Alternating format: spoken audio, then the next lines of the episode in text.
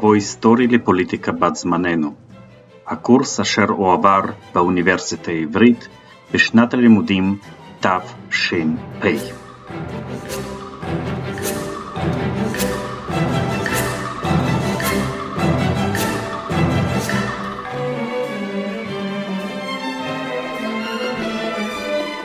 אנחנו מתחילים את השיעור.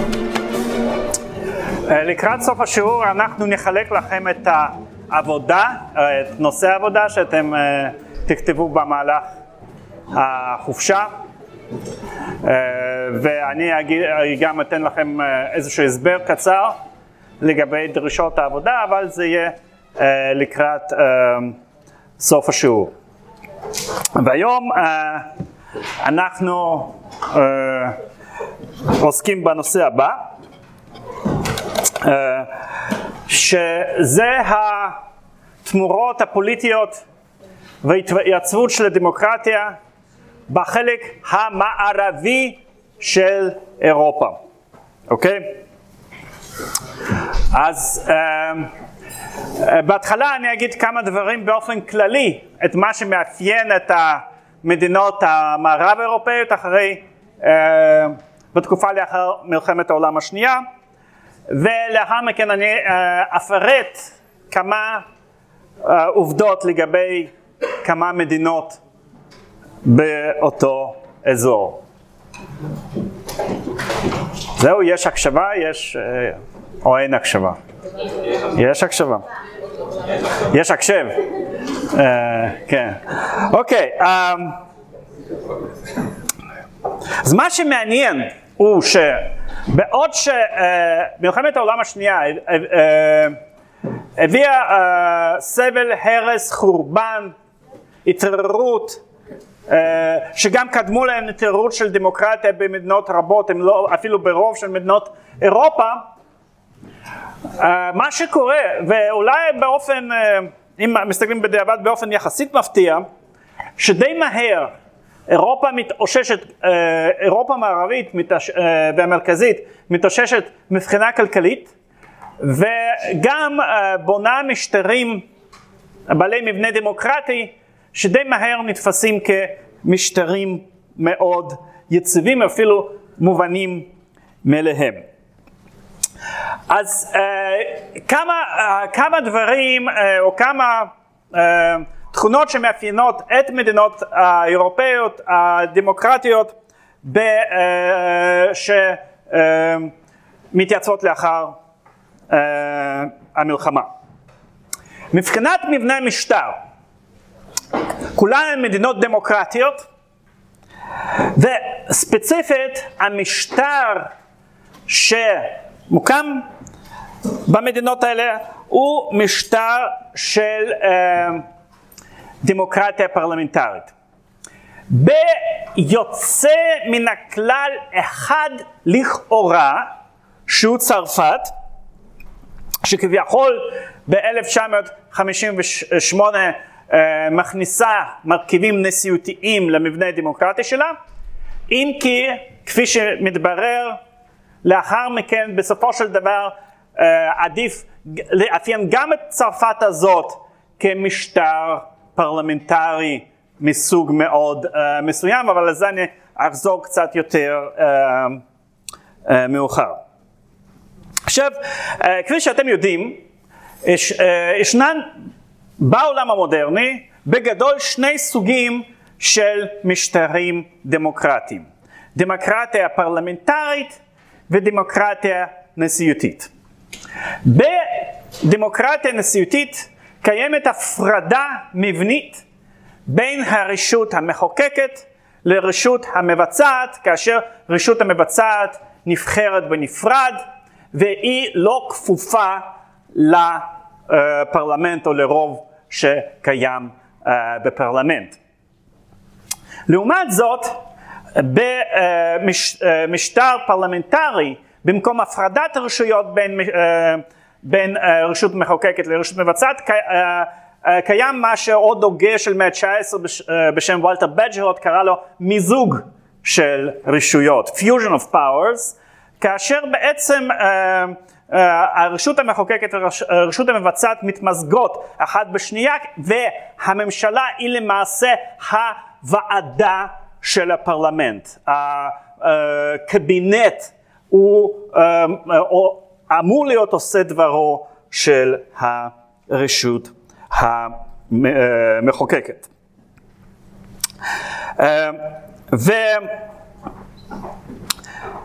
ויש טענה ששותפים למרבית, אני חושב מרבית מדעני מדינה שעוסקים במשטרים דמוקרטיים, אם כי לא כולם, יש דעות שחולקות על זה. אבל יש טענה של הרוב, ואני במובן, במקרה הזה שותף לדעת הרוב, שמשטרים פרלמנטריים הם הרבה יותר יציבים אה, מאשר אה, משטרים נשיאותיים, מאשר דמוקרטיות נשיאותיות. ובאופן באופן אפילו פרדוקסלי, אם כי זה לא כל כך פרדוקסלי, דווקא במשטרים פרלמנטריים הממשלה והרשות המבצעת הרבה יותר חזקות מאשר במשטרים הנשיאותיים. אה, יש טיעון אה, היסטורי, נראה לעין ובולט מאוד, שלכאורה מאשש את הטענה הזאת. אה, האזור שבו נפרצות דמוקרטיות פרלמנטריות הוא אירופה, כמעט כל הדמוקרטיות שם הן דמוקרטיות פרלמנטריות, וגם יש גם מדינות מחוץ לאירופה שנבנו בדגם האירופאי. ואילו החוקות של הדמוקרטיות בדרום אמריקה הן חוקות שהועתקו מארצות הברית. זאת אומרת, הן, ב, הן פחות או יותר ב, uh, uh, בדרך זו או אחרת מעתיקים את הדמוקרטיה או את השלטון הנשיאותי. מה שאנחנו יודעים שהדמוקרטיות האירופאיות הרבה יותר יציבות והרבה יותר מצליחות מבחינת המבחן של דמוקרטיה מאשר הדמוקרטיות בדרום אמריקה. כמובן שיש יוצא מן הכלל אחד שזה ארצות הברית של אמריקה, אבל uh, אפילו ארצות הברית של אמריקה בעצמה במאה ה-20 השתכנעה שאולי המוסדות שלה מתאימים רק לארצות הברית של אמריקה וברגע שהיא כבשה מדינות אחרות וכפתה להן חוקה דמוקרטית, היא כפתה להן חוקה פרלמנטרית ולא חוקה נשיאותית. כך קרה ביפן וכך קרה, קרה גם במערב גרמניה. אז זה לא אומר שזה טיעון מכריע, ישנם מאמרים שחולקים על זה, אפשר למשל לטעון שכמות של מדינות שבהן אה, אנחנו רואים הצלחה של דמוקרטיה פרלמנטרית לעומת אי הצלחה של דמוקרטיה נשיאותית הן מדינות, אה, אה, זה נתון מטעה כי לא מדובר כאן במקרים עצמאיים אלא בסוג של שרשרת של חיקויים, כן? זאת אומרת, זה לא שיש יותר מדינות פרלמנטריות מוצלחות, אלא שפשוט אירופה מתוך היסטוריה שלה הייתה, היה אזור יותר, יותר אה, אה, מועד ליציבות אחרי אה, מלחמה. אז זאת אומרת, יש על זה ויכוח, דעתי המקצועית, כאן שאני חושב שהטיעון המוסדי הזה בעיקר, בעיקר נכון, ומי שבמיוחד במדינות שעוברות את תהליך הדמוקרטיזציה, אני מאוד לא ממליץ להם להקים משטר עם נשיאות כביכול אה, חזקה, הוא הרבה יותר עלול להידרדר לדיקטטורה מאשר מבנה פרלמנטרי שלכאורה נראה כאוטי יותר, אבל אנחנו כאן לא עוסקים בפוליטיקה השוואתית, אבל בכל מקרה אני כאן, uh, כאן uh, מתאר את מה שאני, מה שאני חושב. Uh, האמת היא שכאשר המדינאים של מערב אירופה, ממש לאחר המלחמה, חשבו על שינויים שהם צריכים להכניס למשטרים שלהם, גם הם אינטואיטיבית אולי היו שותפים לדעה הזאת, כפי שאתם uh, יכולתם לקרוא בשני פרטי הקריאה שקיבלתם, ששניהם מתארים את התהליך של חזרה לדמוקרטיה במדינות מערב אירופה כתהליך של אה, חיזוק חוקתי של הרשות המבצעת.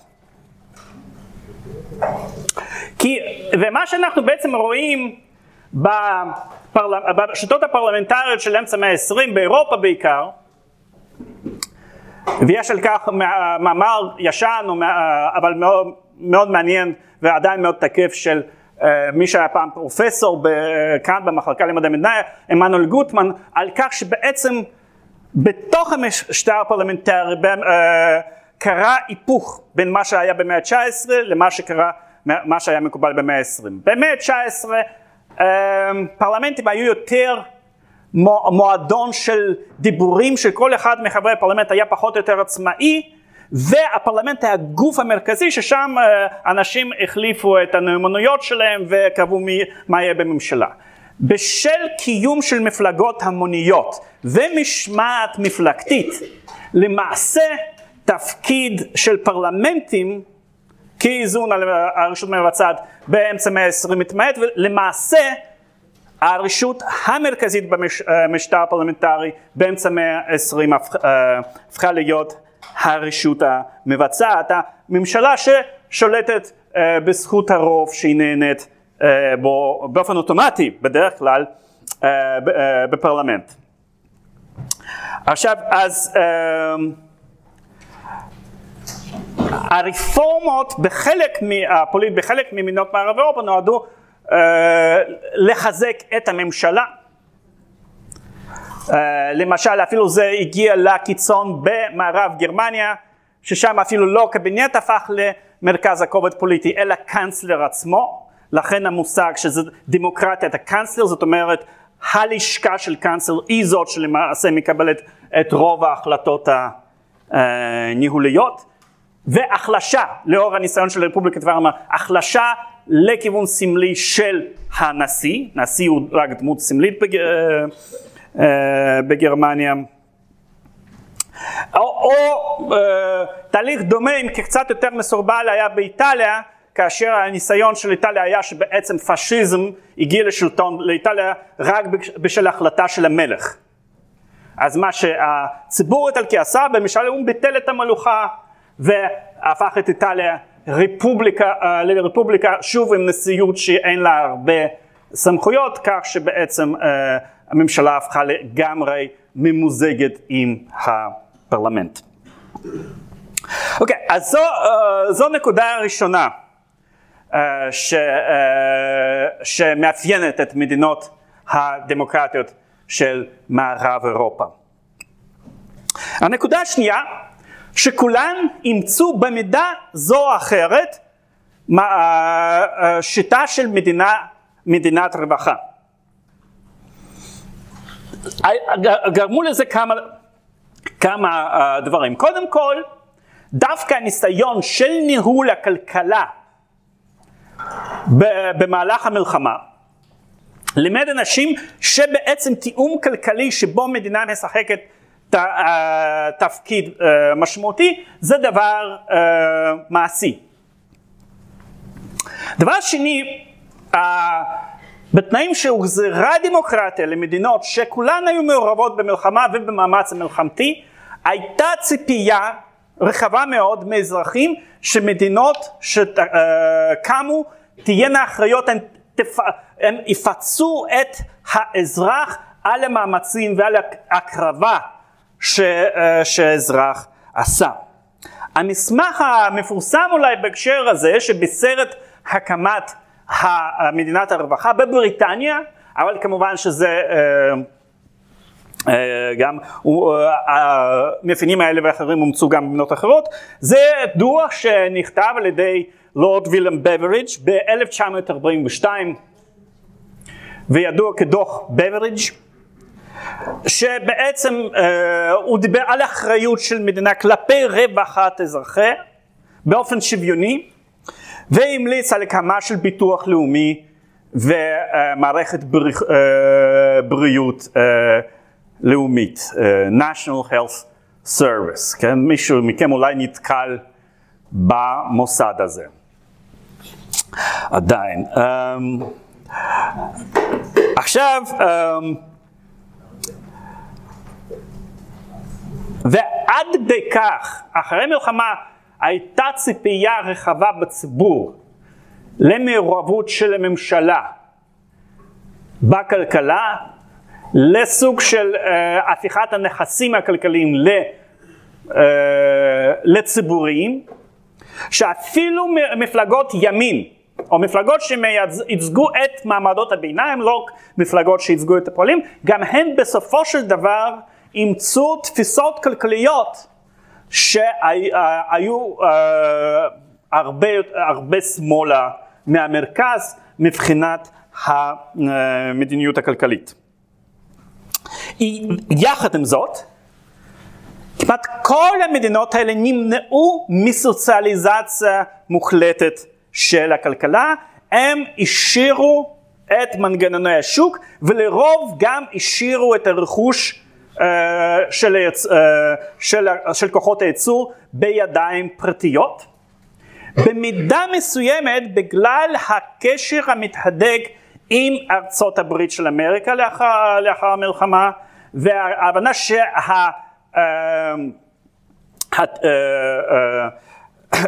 שההתייצבות אה, אה, הכלכלית שמתרחשת דורשת עזרה אמריקאית ושיתוף פעולה עם שווקים אמריקאים שמתנהגים על פי עקרונות של כלכלת שוק.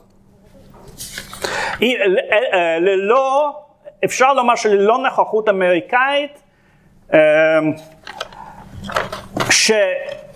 שהתבטאה מפנה כלכלית גם בתוכנית שנהגתה ב-1947 על ידי ג'ורג' מרשל, אז מזכיר המדינה של ארה"ב, שהגה אה, עזרה כלכלית מסיבית למדינות אירופה לשיקום לאחר המלחמה, כך שארה"ב הייתה נותנת אשראי מאוד נדיב, ועל האשראי הזה האירופאים היו קונים את המוצרים האמריקאים.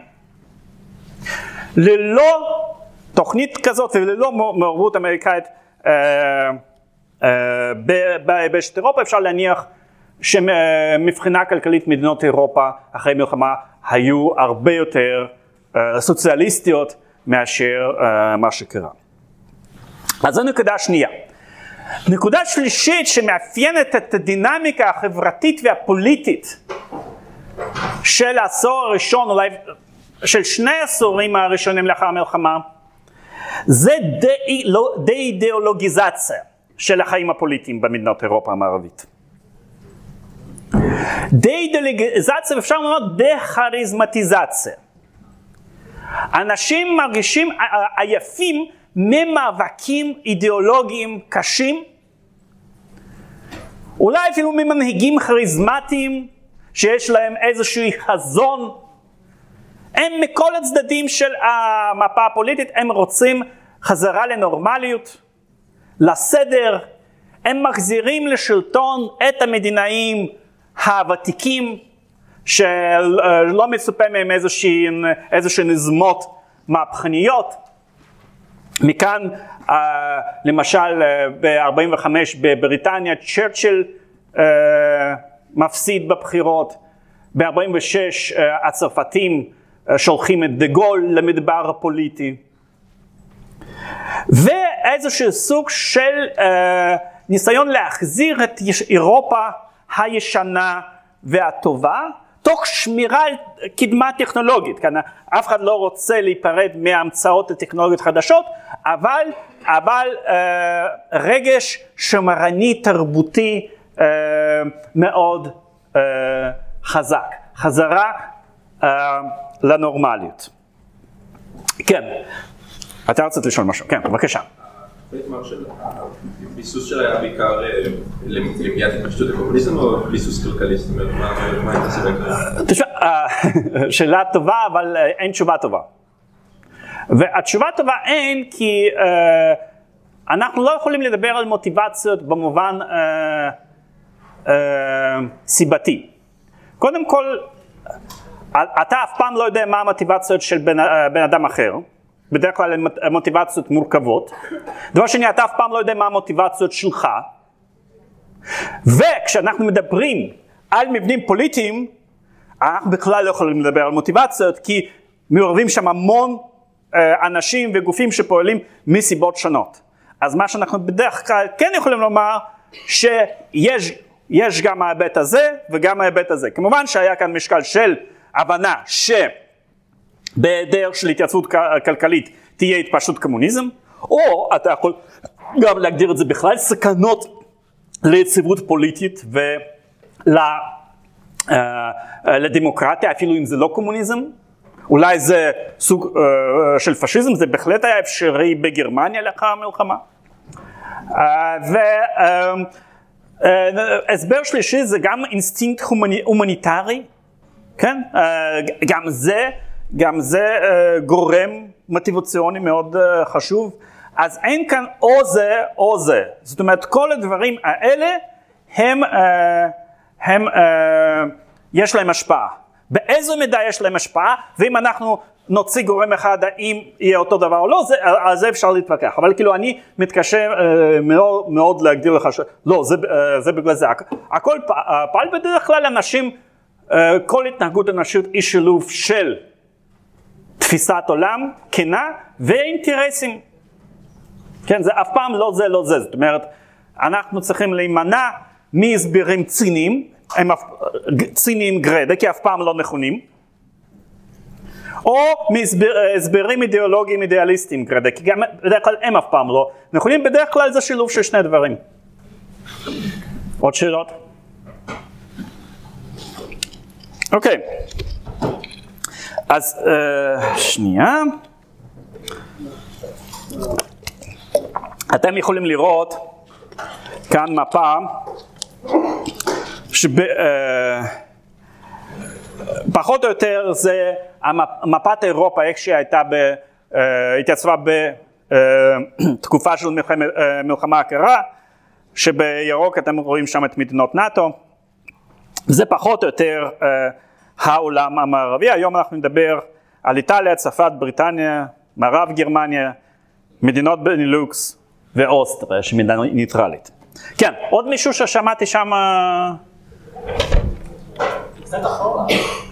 אה, אמרת על הפרלמנטים שבמאה ה-19 היו יותר במה לביטוי, ומה קרה פה בעשר? אוקיי, לפני זה פרלמנט זה מה? הנציג נבחר, נבחר אה, לפרלמנט, הוא באופן כללי יש לו תפיסת עולם, הוא שייך לאיזושהי קבוצה שדוחפת אותו, בעיקרון הוא עצמאי, יש לו בסיס כוח עצמאי גם במחוז שלו, הוא, לפ... הוא בדרך כלל בא ממשפחה מיוחסת, אה, בעל אמצעים, אה, והוא רואה את עצמו כמדינה שתורם לטוב הכללי. אז במובן הזה אה, פרלמנט זה סוג של מועדון של ג'נטלמנים שמנהלים את המדינה. ומדי פעם הם יוצרים קואליציות כאלה ואחרות ש... שנותנות רוב לאנש... לאנשים שיושבים בקבינט. במאה העשרים אה, נוצר, אה, מתחזקת תופעה של משמעת קואליציונית.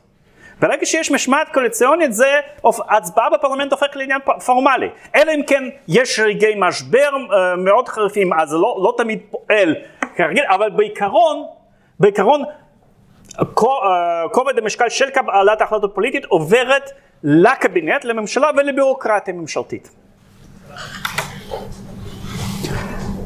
במדינות מסוימות זה לא נכון, למשל בארצות הברית, אבל בארצות הברית זה לא דמוקרטיה פרלמנטרית.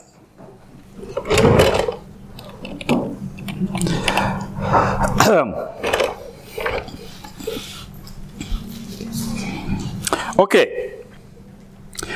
אז uh, אתן לכם קצת סיפורים, מידע על כמה מדינות החשובות ביותר מה שמתרחש אה, שם. ונתחיל דווקא ממדינות שהופסו במלחמה.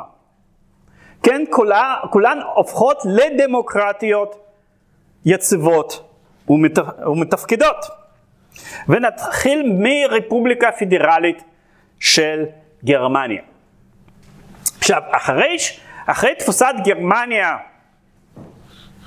במלחמה, אז נוצר, עולה שאלה מה לעשות עם גרמניה, יש לא מעט דיונים, אה, ויכוחים גם בין בעלות הברית, בסופו של דבר ביוני 45 הם פשוט מבטלים את גרמניה כמדינה אה, ויוצרים משטר, משטרי כיבוש, אזורי כיבוש אה, של, אה, של ארבע מדינות בתוך גרמניה, כאשר בהתחלה אף אחד מהצדדים לא, לא מדבר על כך שמדובר בחלוקת גרמניה, בתוך דינמיקה של המלחמה הקרה יוצא שבעצם גרמניה הופכת להיות מחולקת כאשר יש גרמניה באזורי, באזורי כיבוש אה, ברית אמריקאי צרפתי שמכריזה על עצמה כמדינה גרמנית שרואה את עצמה נציגה של כל אזרחי גרמניה אה, עם מדינה בעיר בון והיא נקראת אה,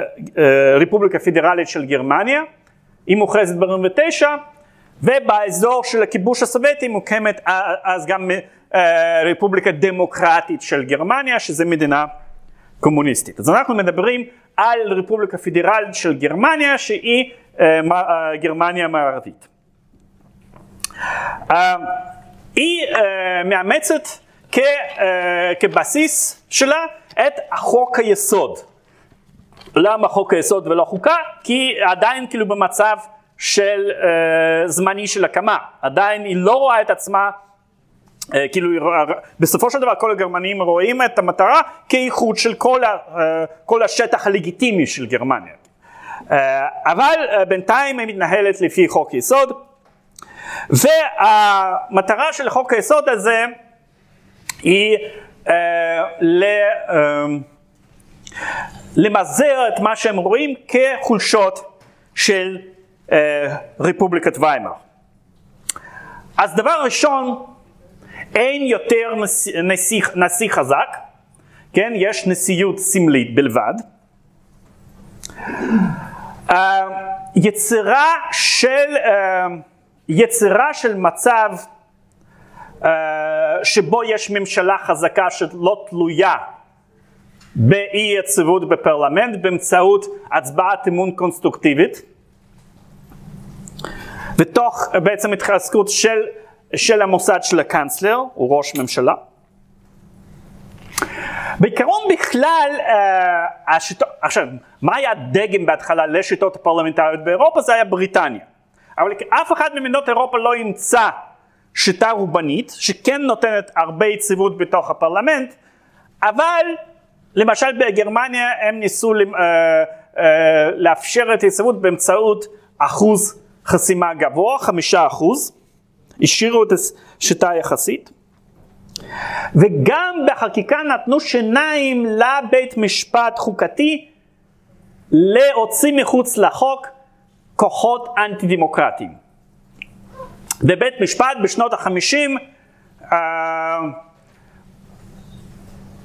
הוציא מהחוק לפחות שתי מפלגות, אחת בימין הקיצוני, מפלגה שנקראה מפלג, מפלגה סוציאליסטית של הרייך, זה בעצם הייתה מפלגה מפלגת המשך לנציונל סוציאליסטים, נציונל סוציאליסטים עוד הוצאו מחוק על ידי אה, משפט ניורברג, הוכרזו כארגון פשע.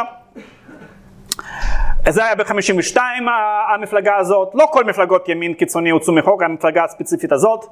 אה, וב-1956 מפלגה קומוניסטית הגרמנית הוצאה מחוץ לחוק על ידי, אה, על ידי בית משפט עליון. אה, חוץ מזה גם יש מדיניות די תקיפה ודי סמכותנית של איסור, מה שנקרא איסור על העסקה.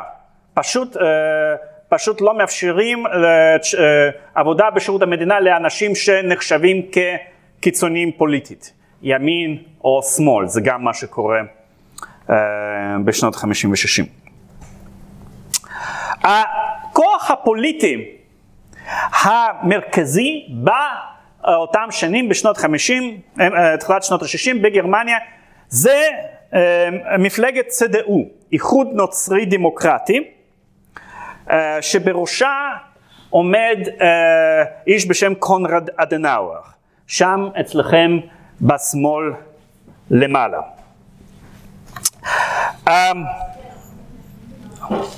אדנאואר. Um, למעשה המפלגה הזאת היא יוצאת בבסיסה ממפלגת המרכז הגרמנית לפני המלחמה, זאת אומרת המפלגה הקתולית. בכלל לקתולים היו התארגנויות פוליטיות אה, די חזקות, אה, ו... אבל לפני, בתקופת בין, בין המלחמות, הקתולים, הרבה מהקתולים, כולל מפלגות קתוליות, אה, נטו להתייחס בחשדנות לדמוקרטיה, למשטר דמוקרטי. היו שם הרבה, הרבה uh, ספקות והרבה גם אנשים שהיו להם uh, סנטימנטים uh, אוטוריטריים. זה לא מקרה במובן מסוים ששני ראשי ממשלה, שני קאנצלרים לפני היטלר, גם פאפן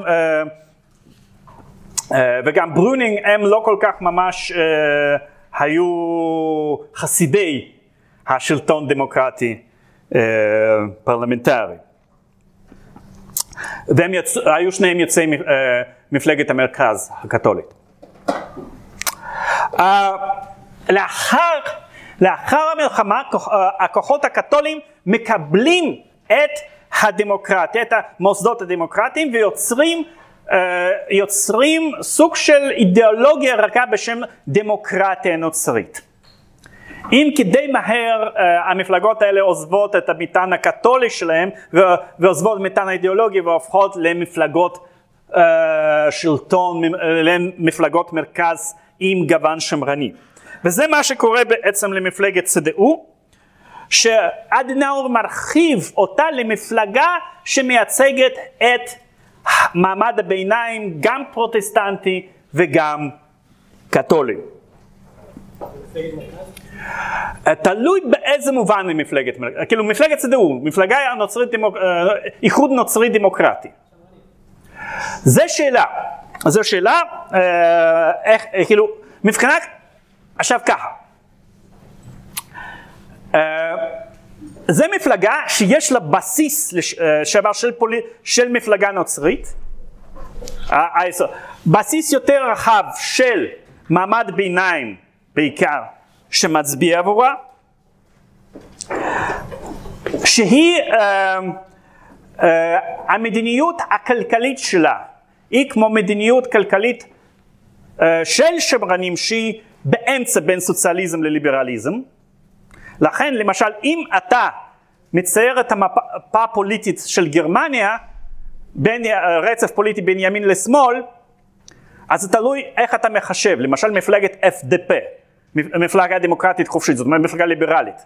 יש מפות שבהן היא ימינה מצדו, כי מבחינה כלכלית היא יותר ליברלית, יותר בעד שוק חופשי. על מבחינה חברתית היא יותר במרכז. כי מפלגת צדום, מפלגת צדום מבחינת שאלות חברתיות היא יותר, היא יותר מפלגה uh, בעלת uh, סדר יום שמרני. אז uh, הדנאו גם בעצם uh, עומד, uh, כאילו, הוא מנצח על מה שנקרא הנס הכלכלי הגרמני, uh, השיקום הכלכלי מאוד מהיר וצמיחה מאוד מהירה של גרמניה בסוף שנות ה-40, בשנות ה-50, כאשר הגרמנים בכל הכוח מתחילים להתמקד בעבודה, ייצור וצריכה. כן. שזה תרפיה אחרי כל השטויות אה, אה, לשעבר. הוא מת, אה, מתעל את דרך גרמניה למוסדות המערביים, למעשה הופך את גרמניה לבעלת ברית של ארצות הברית, למרות שיש לו השגות uh, כלפי ארצות הברית uh, ואנגליה, הוא חשב אולי להקים משקד נגד יחד עם צרפת, עם דה גול, אבל פיטרו אותו דווקא באמצע כשהוא ניסה לעשות את זה בשנת 63, שהוא גם היה זקן מאוד.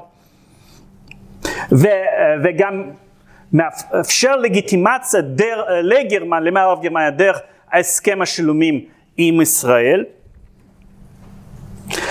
כאשר מבחינת מדיניות החוץ הוא uh, מאמץ תפיסה בלתי מתפשרת כלפי גרמניה המזרחית, לא, uh, לא מכיר בגרמניה המזרחית, הוא רואה את גרמניה המערבית כמדינה, כמייצגת הלגיטימית של העם הגרמני, וגם העניין של גבולות, הרי חתכו, חתכו לגרמניה גבולות אחרי מל, מלחמה, גם העניין הזה לא הוסדר. הסיבה לכך היא שיש יש לגרמניה או לפוליטיקה גרמנית בעיה פנימית מאוד מאוד משמעותית וזה שיעור מאוד גדול של פליטים. מגורשים מצ'כוסלובקיה מאזורים שפולין סיפחה ומאזורים שברית המועצות סיפחה במזרח פרוסיה בערך 12 וחצי מיליון פליטים גרמניים מגיעים לשטח של גרמניה, בעיקר, בעיקר גרמניה המערבית. בסופו של דבר, אם כי בסופו של דבר המספרים הסופיים מגיעים בערך ל-15 מיליון של פליטים. האנשים האלה מתנגדים לכל סוג של ויתורים, כולל ויתורים טריטוריאליים, דורשים גם או את זכות השיבה של הפליטים הגרמנים או את הפיצוי הכספי. ובנוסף לכך גם וטרנים שחוזרים ממלחמה, זאת אומרת אדנאו או שהוא מפחד או אומר לבעלות אה, בריתם הערביות שהוא מפחד מזה שהקולות האלה ילכו למפלגה ניאו-נאצית חדשה. ולכן הוא מאוד זהיר בהכרה באחריות של גרמניה לעבר. Uh, הוא די, uh, uh, חוץ מהבכירים ביותר, הוא די משלב את אנשי המשטר הנציונל סוציאליסטי בתוך, בתוך המשטר הדמוקרטי החדש, והוא מסביר את זה על ידי זה שבעצם הוא זה, הוא המחסום בפני תחיית הפשיזם בגרמניה בסופו של דבר הטענה הזאת מתקבלת על דעתן של בעלות הברית במיוחד ארצות הברית של אמריקה. אוקיי, uh, אז זה גרמניה. איטליה, שלא כמו גרמניה, איטליה לא לא הטילו עליהם ממש אחריות כבדה על פרוץ המלחמה, קצת לקחו לה קצת שטחים, העבירו ליוגוסלביה למשל, אבל בעיקרון היא נשארה אה, פחות או יותר בגבולות שלה, גם שיחק, אה, שיחקה לטובה לעובדה שהיא, שהיא בעצם עברה צד ב-43, פיטרה את מוסוליני, לפחות באופן פורמלי, אה, שינתה צד. כך שבעצם המעורבות של המדינות המנצחות ב, בבנייה של מוסדות פוליטיים החדשים באיטליה לא הייתה גדולה, האיטלקים הסתדרו בעצמם, השאירו אותם להסתדר בעצמם. אז מה יש לנו? אז שוב, מבטלים את המלוכה, מלוכה יותר מדי קשורה בזיכרון עם המשטר הפשיסטי, מקימים את הרפובליקה, פרלמנטרית עם ייצוג פר, פרופורציונלי חזק ומגזר ציבורי די מנופח בכלכלה. המגזר הציבורי הגדול באיטליה, אה, זאת אומרת בעלות המדינה על הרבה מהתחומים של המשק היא אה, תוצאה של ירושה של משטר הפשיסטי, שהלאים לא מעט. אה, ממגזרי הכלכלה, השאירו את זה כך. אה, וזה העובדה הזאת, וחוץ מזה כמובן אפשר להוסיף לזה גם את המסורות של הפוליטיקה הפרלמנטרית האיטלקית, אה, השאיר פתח רב מאוד לשחיתות הפוליטית. כי ברגע שמדינה, הממשלה, היא זו שמקצה את התפקידים בשירות הציבורי, וזה, אה, אה, ויש שם אה, מגזר ציבורי די רחב, אז כמובן יש, יש הרבה תמריצים לשחיתות פוליטית, לתמריצים, לשיטה של לקוחות פוליטיים. מפלגה מתמרצת מי, מי שנמנע את מי, שתומך בה. מחלקת טובים וג'ובים.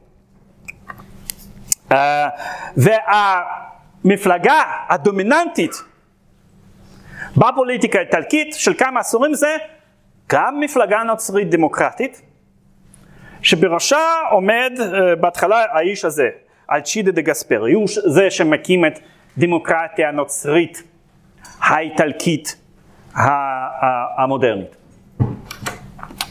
עכשיו, לכאורה, לכאורה הממשלות באיטליה פחות יציבות, הן כל הזמן מתחלפות, מתחלפות, לעומת גרמניה, ששם זה הכל נראה מתקתק ויציב ואדנאו הוא קאנצלר נצחי, למעשה מדובר במשטר מאוד יציב, כאשר כמעט בכל ממשלה שקמה מחדש והן מתחלפות מהר, המפלגה הנוצרית דמוקרטית ממשיכה למעשה לשלוט, uh, לשלוט בממשלים המרכזיים ודרך אגב תמיד שומרת לעצמה על משרד הפנים.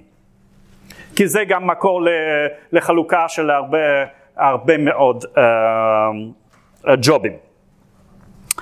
Um, דרך אגב, השיטה הזאת שבה מפלגה היא לא רק כוח פוליטי שמנהל מדיניות, אלא סוג של בית קהילתי, שגם אם אתה משתייך לבית הזה, אתה גם משתייך לארגונים הספורטיביים, התרבותיים, אתה קונה את העיתון המפ... אה, שמזוהה עם המפלגה, אה, אתה אה, נהנה אולי משור... משירותי רווחה שקשורים למפלגה. זאת אומרת מפלגה זה יותר ממפלגה, זו שיטה שקיימת לא רק באיטליה באותן שנים. ואם אתם צוחקים וחשבתם, אז זה לא מה שחשבתם, זה, אה, זה קיים במדינות הרבה פחות מושחתות מאיטליה, זה איך שהחיים הפוליטיים בשנות 50-60 מתנהלים במדינות כמו הולנד ובלגיה. מפתח מפלגתי. אה, אה, מועדוני כדורגל מפלגתיים,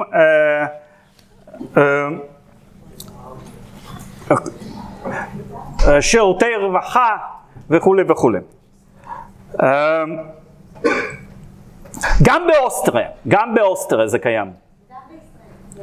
זה גם בישראל, אבל אתם רואים, בישראל זה לחלוטין מדינה אירופאית למהדרין. מתפתחת בדיוק במקביל, כל, כל דבר שאתם יכולים למצוא בישראל, אתם יכולים למצוא במרבית מדינות אה, אירופה קטנות. עכשיו, אה, אז... אה, אמ, זה גם קשור בעצם לתרבות הפוליטית החברתית של אירופה היבשתית שהיא פחות אינדיבידואליסטית ממדינות האנגלו-אמריקאיות והחשיבה יותר בתפיסה של קורפורציות ושני כוחות המרכזיים באירופה הן הכוחות, הארגון סביב הכוחות הנוצרים הקתוליים בדרך כלל. גם בלגיה היא מדינה קתולית וגם נוצרית היא לא מדינה פרוטסטנטית אבל יש שם מיעוט קתולי שמתארגן לתוך מפלגה קתולית. זה uh, קהל, קהל הפועלים הסוציאליסטים. לפעמים uh, מתווספים לשם גם הבדלים אתניים, כמו למשל בבלגיה, כן? לבלונים uh, יש מפלגה סוציאליסטית משלהם, לפלמים מפלגה סוציאליסטית משלהם. לבלונים מפלגה קתולית משלהם, לפלמים מפלגה קתולית uh, משלהם. דווקא מפלגות ליברליות שמפלגות מרכז הן במובן הזה הרבה יותר מעורבות מבחינה אתנית. אוקיי. אז, אבל כמובן באיטליה זה פחות מסודר, זה דומיננטיות של מפלגה אחת בתוך המערכת הזאת כביכול מושחתת, מפלגה נושאית דמוקרטית, אם כי השיטה הזאת שהיא במובן מסוים מבחינה כלכלית בזבזנית, משום מה היא נותנת מספיק יציבות פוליטית אחרי מלחמה שמאפשרת גם התפתחות מאוד מהירה מבחינה כלכלית של איטליה. זאת אומרת, שיטה כלכלית, שיטת ניהול לא יעילה, מאפשרת אה, שיקום חברתי כלכלי מאוד מהיר. מפלגת האפוזיציה הנצחית והחזקה ביותר באיטליה היא מהפלגה הקומוניסטית. למעשה מפלגה הקומוניסטית האיטלקית הייתה המפלגה הקומוניסטית החזקה ביותר בעולם המערבי. המפלגה החזקה השנייה הקומוניסטית בעולם המערבי הייתה המפלגה הקומוניסטית הצרפתית.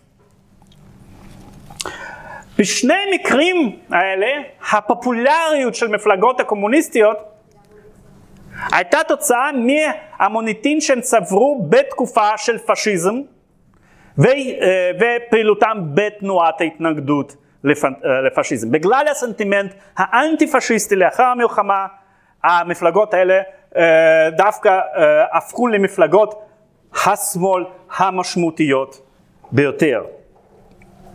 ולאחר המלחמה, ממש לאחר המלחמה, בממשלות האנטי פשיסטיות הראשונות, קומוניסטים היו חלק מקואליציה, גם בצרפת וגם באיטליה.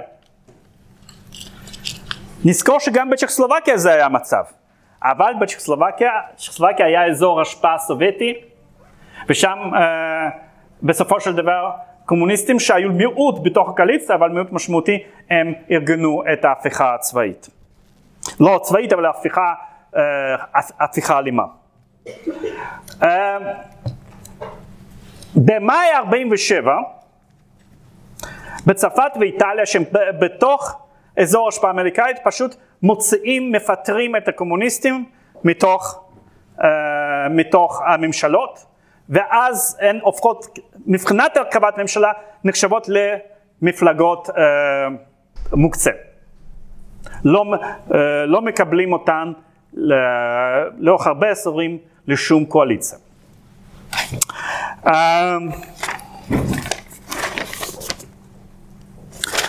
אם כי יש הבדלים מאוד מאוד משמעותיים בין שתי המפלגות הקומוניסטיות האלה. המפלגה הקומוניסטית הצרפתית מבחינה אידיאולוגית נשארת מאוד דוגמטית ופרו-סובייטית בצרפת. המפלגה הפרו-סובייטית ביותר הייתה המפלגה הקומוניסטית הצרפתית. לעומת זאת, הקומוניסטים באיטליה הם מאוד מאוד גמישים. אפילו כשהם לא מודים בזה, למשל באותם מחוזות, באותם ערים שהם מנצחים בבחירות המוניציפליות, הם, מסתד... הם uh, משתלבים מצוין בשיטה המושחתת של השלטון. הם מחלקים את הג'ובים למקורבים שלהם. ולקראת סוף הש... שנות ה-70 הם גם מבחינה אידיאולוגית מתחילים להתרחק ריטורית מברית המועצות, לבקר את ברית המועצות, להכיר יותר בדמוקרטיה הליברלית, בלגיטימיות של דמוקרטיה ליברלית, והתופעה הזאת שמאפיינת בעיקר את מפלגה הקומוניסטית איטלקית, גם קצת מפלגות אחרות, נקרא יורו קומוניזם. הייתה תופעה כזאת אה, בשנות ה-70 ו-80 של יורו קומוניזם, זה אותן מפלגות קומוניסטיות שהמשיכו לקרוא לעצמן מפלגות קומוניסטיות, אבל אמרו, אבל אמרו שאנחנו שאנחנו לא ממש לא בכל דבר אנחנו מסכימים עם ברית המועצות ואנחנו מסכימים אה, עם כללי משחק של דמוקרטיה. יש שאלות?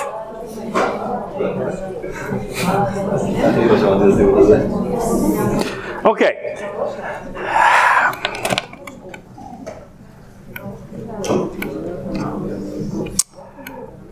והמדינה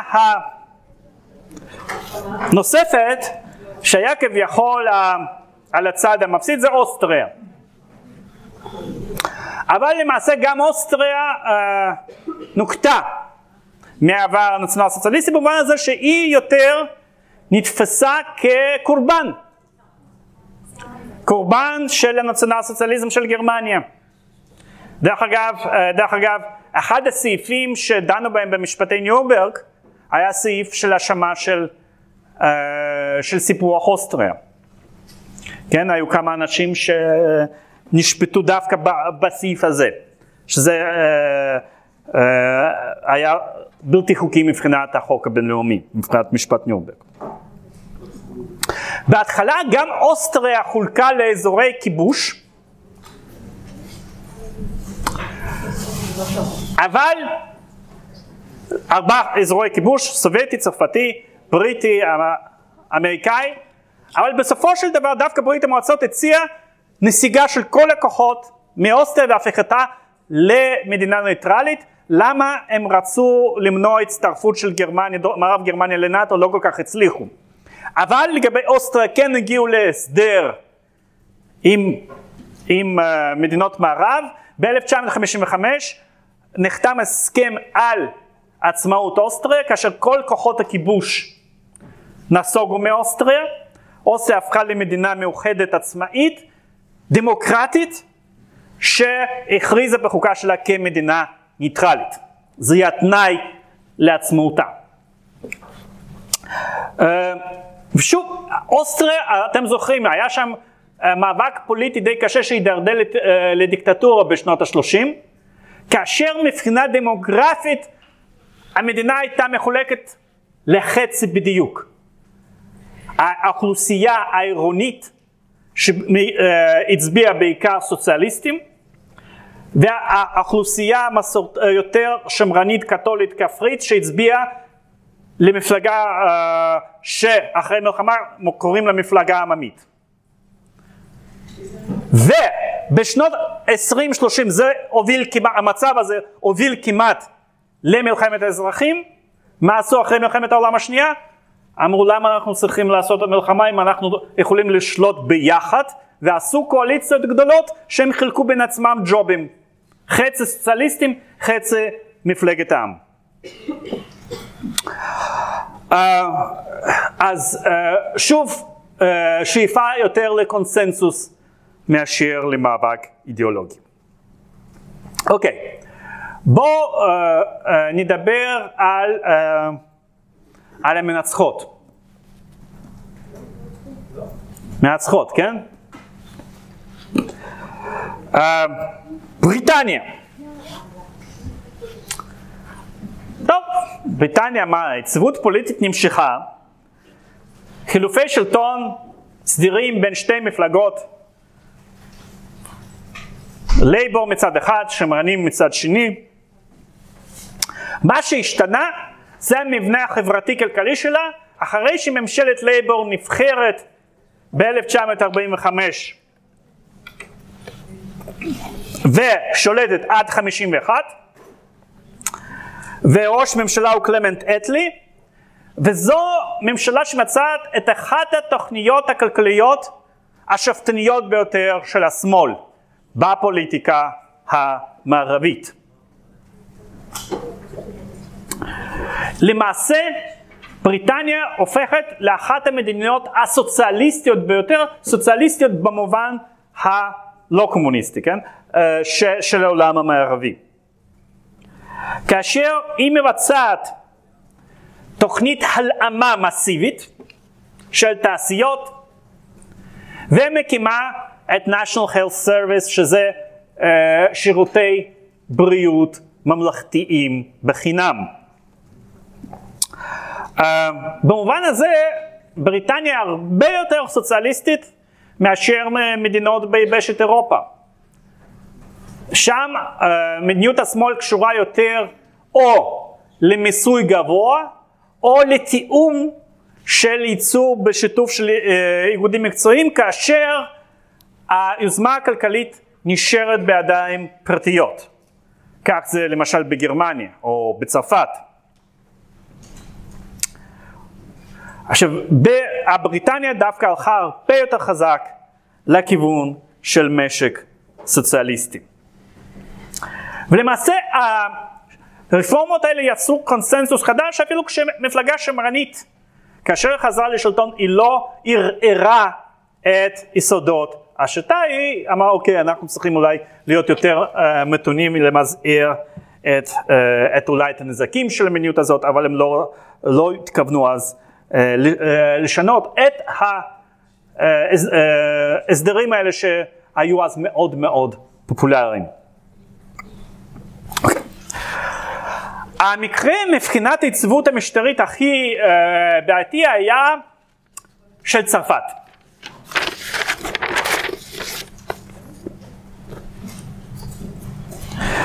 וזה קשור לכך שצרפת הייתה מדינה קולוניאלית שניהלה במהלך שנות 40 ו-50 שתי מלחמות קולוניאליות קשות.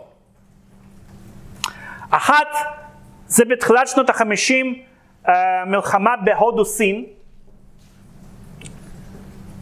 וייטנאם בעיקר, מה שהופך לווייטנאם או שני וייטנאמים, עוד נדבר על זה, ולמעשה נאלצת לס... אה, למעשה מובסת ונסוגה מהודו סין ב-54 ואז יש מרד באלג'יריה שלא נתפס, אלג'יריה לא נתפסת כקולוניה, אלא כחלק אינטגרלי של צרפת.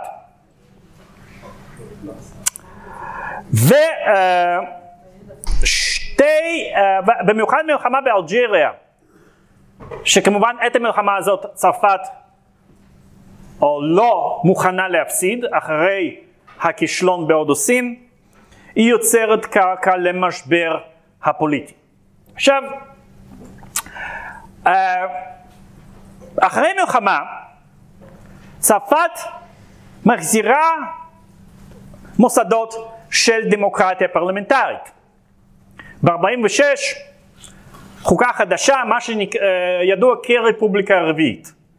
רפובליקה השלישית זה צרפת בין, אה, לפני, אה, לפני מלחמת העולם השנייה.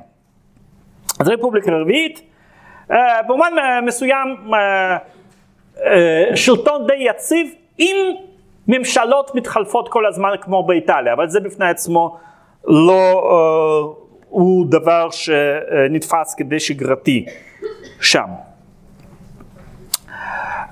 מי שבעצם היה דמות שסימלה את צרפת החופשית בזמן כיבוש גרמני היה גנרל שרל דה גול שעמד בראש, בראש צרפתים שנלחמו נגד נאצים והוא ישב בלונדון וכשבעלות הברית משחררות את צרפת ב-44 הוא חוזר לצרפת והופך כמובן לראש ממשלה של ממשלה זמנית שמוקמת.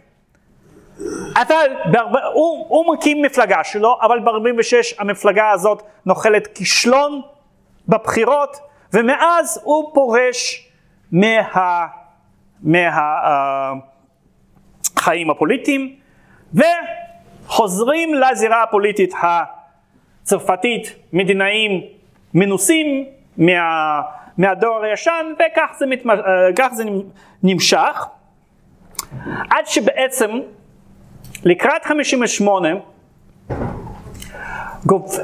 גוברת אי שביעות רצון, במיוחד בצבא, שחושבים שממשלה מאוד, uh, יותר מדי חלשה ולא מספיק uh, מאפשרת לצבא לדכא את ההתקוממות באלג'יריה.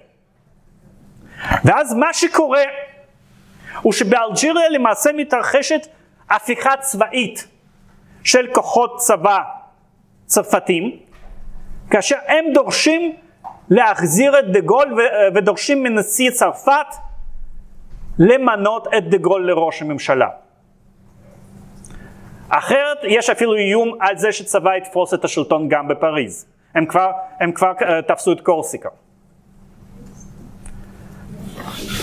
דה גול אומר אני מוכן. כאילו, אם רוצים אותי, אני, אין, אין לי התנגדות. Uh, ואז נשיא רפובליקה וגם ממנה את דה גול לראש הממשלה. וכמובן יש, יש לא מעט אנשים שאומרים שדה גול, גנרל דה גול הופך להיות דיקטטור, ויש uh, נאום, uh, ריאיון טלוויזיוני מאוד uh, מפורסם, דה גול שאומר, אני דיקטטור, אני הרי זה שהחזרתי את הדמוקרטיה לצרפת, איך אתם יכולים אה, להאשים אותי שאני הולך להיות דיקטטור. כך או אחרת נותנים לו סמכויות חירום, פרלמנט נותן לו סמכויות חירום אה, לכתוב טיוטה של חוקה חדשה. הממשלה בראשותו כותבת חוקה חדשה, היא מאושרת באותה שנה במשאל עם, והמשמעות, העיקרון של אותה חוקה היא ש... נוצרת, אה, תפקיד חזק, תפקיד של נשיא חזק. מה זה אומר? שני דברים, קודם כל מרחיבים את תקופת נשיאותו לשבע, לשבע שנים, ודבר שני, דבר שני, נשיא נבחר בהתחלה על ידי חבר אלקטורלי, אבל באופן עצמאי, לא קשור ל... אה, אה, הוא לא נבחר על ידי פרלמנט, ודבר שלישי, הוא עכשיו, אה, הוא עומד בראש הקבינט. הוא זה שלמעשה ראש ממשלה, למרות שקיים גם ראש ממשלה. ואחרי שהחוקה הזאת מאושרת, דה גול נבחר לנשיא של הרפובליקה הצרפתית, והרפובליקה הזאת קיימת, כאילו המשטר החוקתי קיים עד היום. זאת אומרת, אנחנו בתקופה של רפובליקה החמישית. עכשיו, ב-62 דה גול מציע תיקון נוסף לחוקה והוא גם מאושר uh, כאשר uh, נשיא נבחר בבחירות ישירות על ידי, על ידי אזרחי צרפת. ואז uh, הרבה זמן דיברו על כך שמדובר בעצם במשטר או נשיאותי או חצי נשיאותי. כמובן גם משנים את שיטת בחירות לפרלמנט שהופכת, שכבר לא פרופורציונלית, אלא שיטה, שיטה של שני סבבים, רובנית יותר. עכשיו, כן, הייתה כאן שאלה ועוד שאלה, כן. למישהו לא עניתי כאן? כן, מישהו... אוקיי, עכשיו, כן. מה קורה באלג'יר באותו זמן? בינתיים, אה, בינתיים נעזוב את אלג'יר, כאילו זה, אה, זה לנושא אחר, אז אני רוצה להפריד.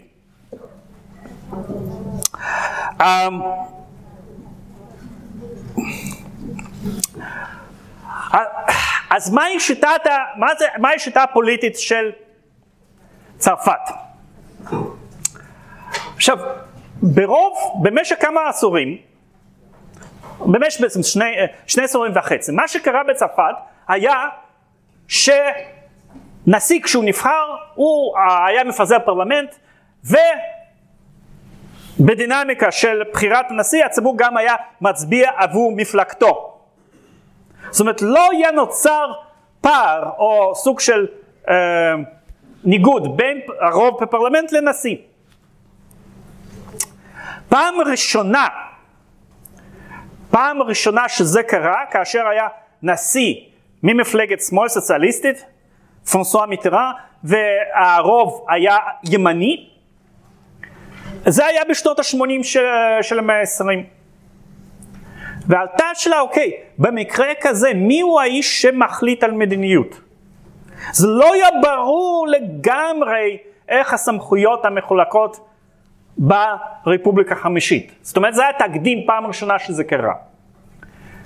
והתברר שההסדר שנוצר היה שמי שמושל זה ממשלה שמייצגת את הרוב בפרלמנט.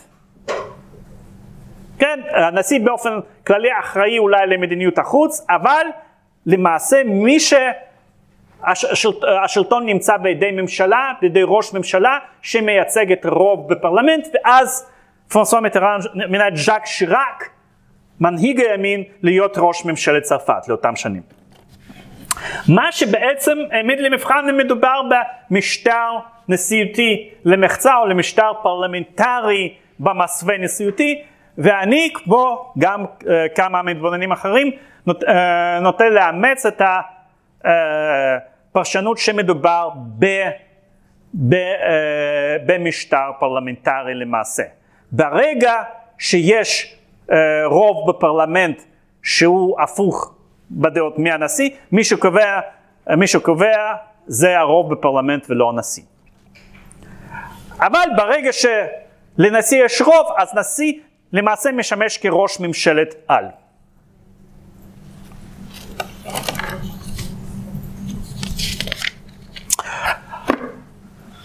שאלות? אוקיי. והדבר האחרון שאני רוצה לומר לכם משהו זה על אינטגרציה אירופאית.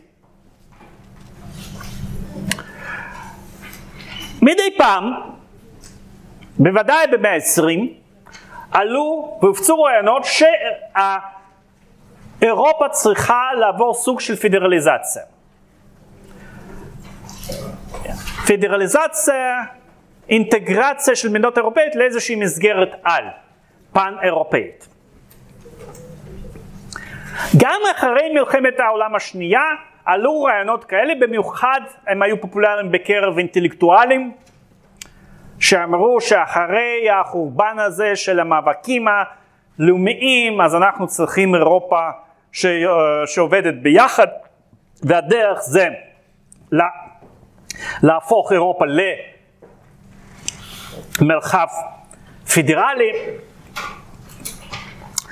וזה לא מה שקרה. זה לא מה שקרה, ואירופה מיד לאחר מלחמת העולם השנייה הוקמה על בסיס של עיקרון של מדינות לאום.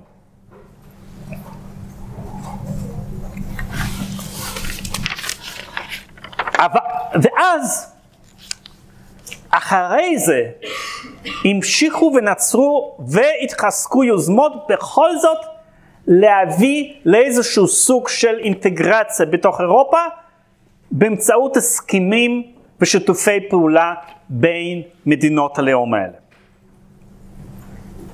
וההסכם, uh, היו כמה הסכמים על אזורי, uh, אזורים כלכליים משותפים, אבל ההסכם החשוב ביותר שהבסיס לאיחוד של ה...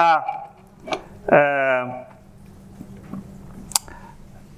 אירופה היה הסכם, uh, הסכם רומא ב-1957. כאשר שש מדינות חתומות על ההסכם הזה, זה מערב גרמניה, איטליה, צרפת ושלוש מדינות בנילוקס, ארצות השפלה, בלגיה ולוקסמבורג, שהן בעצם יוצרות אזור סחר ותנועה משותף ללא מכסים. זה הסכם על הקמה של קהילה אירופית כלכלית, שלימים הופכת לאיחוד האירופאי. אז במפה הזאת אתם יכולים לראות בכחול אה, אפל, או כהה, או עמוק, איזה, איזה כחול זה? כן? אה, זה המדינות הליבה של האיחוד האירופאי, ואחר כך בסופו של דבר, אה, זה, זה מפה עדיין עדכנית עד, עד עוד שלושה ימים,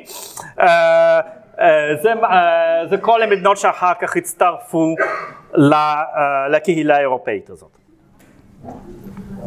עכשיו, אז אני רוצה לומר כמה מילים על איך אני רואה את אותו הסכם, רוב בעצם משמעות של, של הקהילה האירופאית, הזהותית והאידיאולוגית. עכשיו, לאיחוד האירופאי יש אידיאולוגיה, או יש סוג של הסבר מה הוא מסמל, והרבה פעמים נשמעת טענה שהאינטגרציה האירופאית הזאת היא ששמרה על שלום באירופה. עכשיו לדעתי הטענה הזאת חוטאת בכרונולוגיה.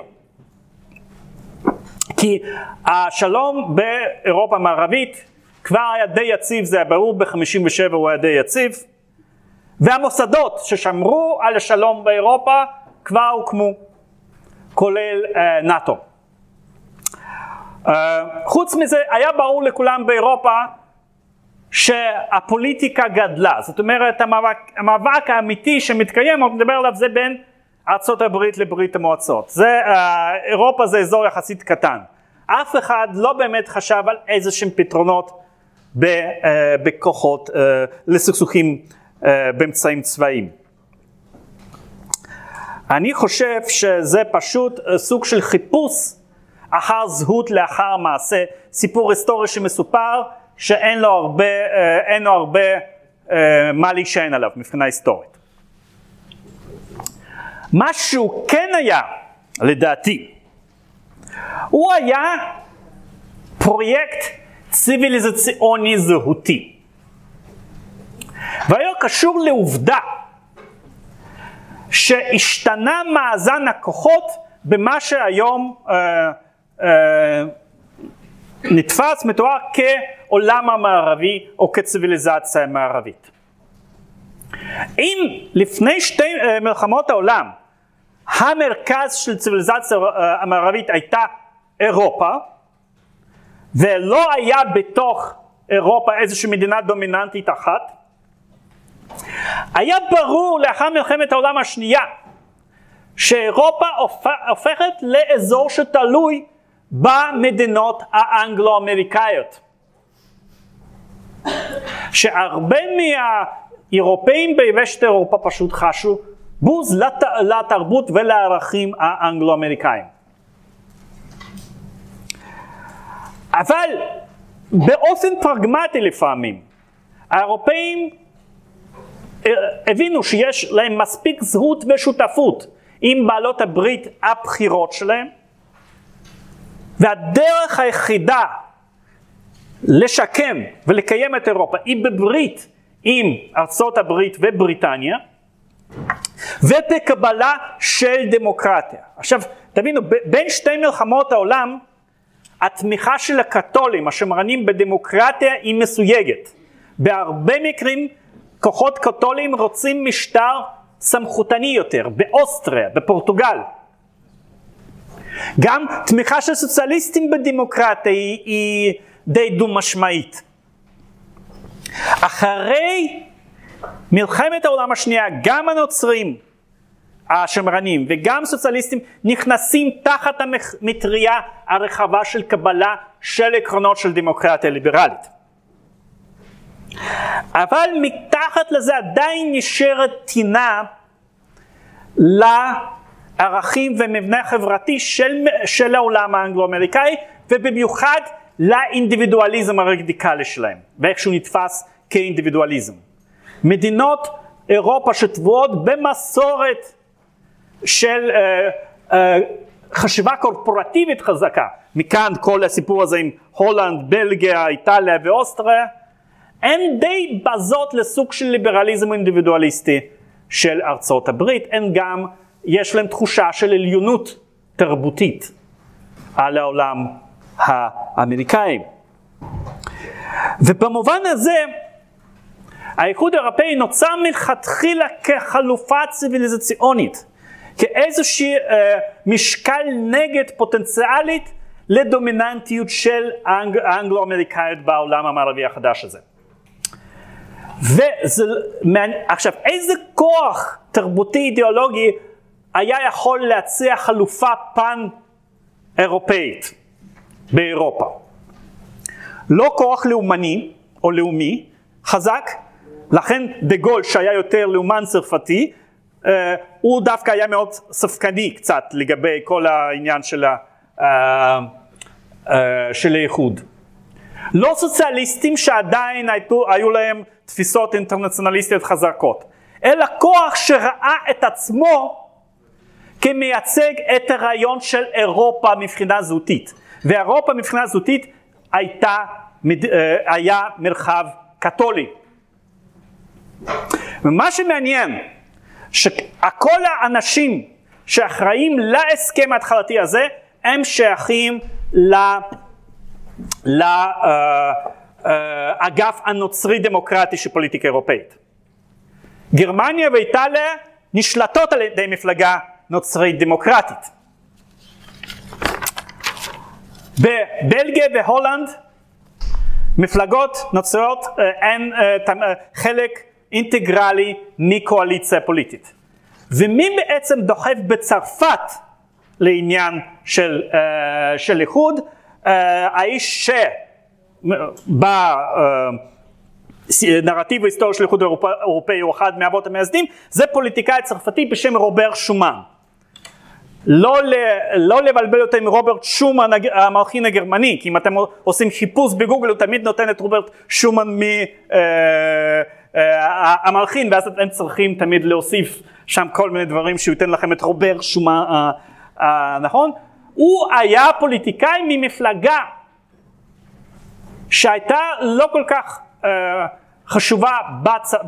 בפוליטיקה הצרפתית, בימין הצרפתי, כי שם אחר כך דה גול הפך ליותר משמעותי, אבל היא הייתה למעשה מפלגה נוצרית דמוקרטית, MRP.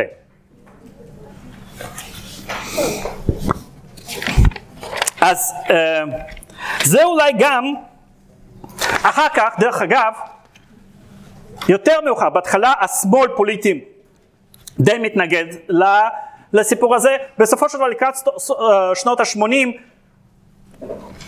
השמאל מתחיל לראות את היתרונות של איחוד האירופאי בתוך הדינמיקה הנאו-ליברלית, או כמשקל נגד, נגד הדינמיקה הנאו-ליברלית. אז גם הסוציאליסטים מאמצים את החזון האירופאי, אבל ב, uh, uh, בתוך, uh, מתוך ניואנסים שלהם. וזה דרך אגב מסביר עד כמה שה... האיחוד האירופאי עכשיו התרחק מהחזון, מהגרעין ההתחלתי הזה, מהפרויקט הנוצרי דמוקרטי שהאיחוד האירופאי היה, ועד כמה שעדיין מדינות שציוויליזציונית נמצאות בפריפריה, מרגישות עדיין לא בבית בתוך הפרויקט הזה. דנמרק שכל הזמן הצביעה כשנתנו לה במשאלי עם נגד כל סוג של חיזוק האינטגרציה האירופאית, וכמובן אה, בריטניה, שציוויליזציונית לא מרגישה את עצמה חלק אה, מהפרויקט הזה. כמובן שגם מזרח אירופה, שיש לה סיבות אחרות מדוע רוצה להיות חלק מזה, אבל לחלוטין לא שותפה לחזון הזה של הדרך השלישית האירופאית בין העולם הקומוניסטי לעולם האמריקאי. שאלות? אין? אוקיי, עכשיו, מה, מה לגבי העבודה? לא, לא, לא, לא, לא, לא. Uh, זה חלק מאינטגרלים הקורס, מה? Uh, אני רוצה את הדף. כן, אפשר לחלק. אז כפי שהבטחנו לכם, אנחנו מקיימים את הבטחתנו ונותנים לכם את התענוג הזה לעבוד על מטלת האמצע במהלך החופשה. בדיוק בהתאם לסילבוס, בהדפסה זה קצת השתבש, גרפית, אבל לא משנה, אנחנו עושים במודל את מה ש... איך שזה צריך להיראות. מה ששם בחדר, אה, אה, בבולד זה צריך להיות בשמאל, לא בימין. אוקיי, אז מה שאנחנו מבקשים מכם זה לכתוב מסה, לעשות מעין עבודונת מחקר קטנה ולענות על אחת, לדון באחת משתי משני אה, נושאים השוואתיים. להשוות בין מודרניזציה ביפן וטורקיה, או להשוות בין משטרים, משטר סטליניסטי והיטלריסטי ב, אה, בשנות ה-30. עכשיו, כאשר אתם יכולים להשוות באופן כללי, או להתמקד בהיבט אחד של של השוואה. למשל, מערכת החינוך בטורקיה ויפן נושא אה, מצוין, כן? עכשיו, לגבי תנאים הפורמליים, אתם מקבלים הרבה זמן, זאת אומרת, אנחנו כבר לקחנו בחשבון שיש לכם אולי מילואים או דברים או מחלה או משהו כזה, אל תבקשו דחייה. אתם מקבלים אקסטרה זמן. Uh, דבר שני, צריך להשתמש uh, במקורות אקדמיים, כשאני אומר מקורות אקדמיים אני אומר או ספרים או פרקי ספרים אקדמיים, זאת אומרת שהוצאו בהוצאות לאור שנחשבות אקדמיות, אם יש לכם ספק תתייעצו במתרגלים, או מאמרים בכתבי עת אקדמיים. מודפסים, לא כתבי עת אונליין, בוודאי לא, לא ויקיפדיה, כן? עכשיו, אנחנו, אתם יכולים לבחור בכל סוג של מקור שרק יעלה על דעתכם, אבל אנחנו נשלח לכם רשימה של שלושה ספרים שמתוכם אתם יכולים לקרוא על נושא אחד ושלושה ספרים על נושא השני, ויש לכם גם אה, מקורות בסילבוס. אני אגיד לכם כסוד, מספיק לכם כדי לגבש רעיון ולכתוב עבודה, ולו מקור אחד בלבד. כן? זאת אומרת, אה, יש שם, פשוט הספרים האלה כולאים במדויק בנושא. הם בעצמם עושים השוואה. אוקיי? אה, גם כללית לפעמים, גם ספציפית. פשוט מה שכדי לדעת מה אתם רוצים לכתוב, פשוט תפתחו ותקראו משהו. עכשיו, זה מינימום. ככל שאתם יותר רוצים להתפרע ולחשוב ולקרוא יותר, בבקשה, תעשו הכל. אבל בעיקרון, בעיקרון, רשימה, רשימה, רשימה הזאת היא כוללת כל מה שאתם צריכים אה, לדעת בעבודה מאוד קצרה כזו. אה, אנחנו נשלח לכם את רשימת הספרים, רק רשימת הספרים האלה דרך המודל, שישה ספרים, חמישה מהם דרך ספרייה אפשר למצוא אונליין, דרך המערכת של ספרייה, ועוד אחד שלא נמצא, אבל יש לפחות שישה עותקים בשמורים, חלק מהם גם בעברית, תורגמו, כן.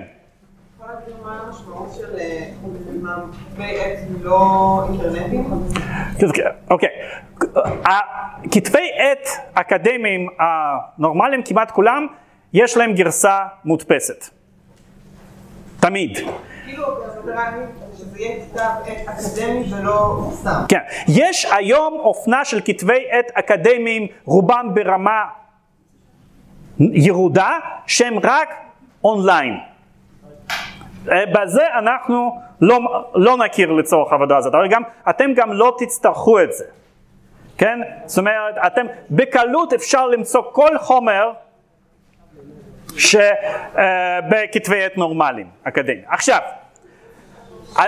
הדרך הקלה שאני מציע לכם לעשות עבודה, זה קודם כל לקרוא כמה דברים מתוך רשימה שאנחנו נותנים, לעיין בזה, לגבש לעצמכם טיעון, לכתוב אותו, ואז, ואז לחשוב שאולי בכמה מקומות אתם נותנים עובדות, שכדי לאמת את העובדות אתם צריכים איזשהו חומר נוסף, וזה ייקח לכם איזה חצי שעה למצוא חומר נוסף רק כדי לצטט אותו. דרך אגב, מספיק גם, יש לכם מספיק חומרים אה, כדי לצטט אותם, כדי למצוא uh, שלושה חומרים. זאת אומרת, זה צריך להיות טכנית, זה צריך להיות פשוט, רק פשוט אל תתמהמהו עם זה. ת, uh, תקראו חלק מהחומרים האלה, תגבשו רעיון, רעיון יכול להיות כל דבר, אתם יכולים לומר או זה אותו דבר, או אתם יכולים לומר בכלל אין שום קשר בין הדברים, אתם יכולים לומר בהיבט הזה יש משהו שדומה אבל שונה, אתם יכולים לנסות להסביר מדוע זה דומה או, או שונה, כל דבר. אנחנו נותנים לכם חופש מלא, לבדיקה אין במובן הזה צ'קליסט, זה לא בחינה, גם בבחינה לא יהיה לנו צ'קליסט. אם אתם תכתבו עבודה שמראה שאתם חשבתם, קראתם וכתבתם משהו מעניין, אתם תקבלו ציון טוב או גבוה או מאוד גבוה, כן? אז אה, אה, זה שלכם. זאת לא עבודת מחקר, מי, מי, מי כאן אמר שזה כאילו עבודת סמינר? לא, אל תדאגו, אה, זה לא עבודת סמינר, זה דורש יחסית מעט, זה דורש קריאה בלפחות חלק מאחד הספרים, קצת חשיבה ולרשום את מה שאתם חושבים תוך ציון מקורות. רבותיי, אני לא הולך אה, להגדיר לכם את הגופן, ואני לא אבקש עיצוב מיוחד של תמונת שער, כי אנחנו לא בגן אה, ילדים, מה שאנחנו רוצים זה תוכן, תוכן אינטליגנטי, מילים מעניינות, פשוטות ועד כמה שפחות ז'רגון אקדמי. אה, כן. עכשיו, אה, אז יש שאלות? תודה רבה לכם וניפגש אחרי חופשה, תודה.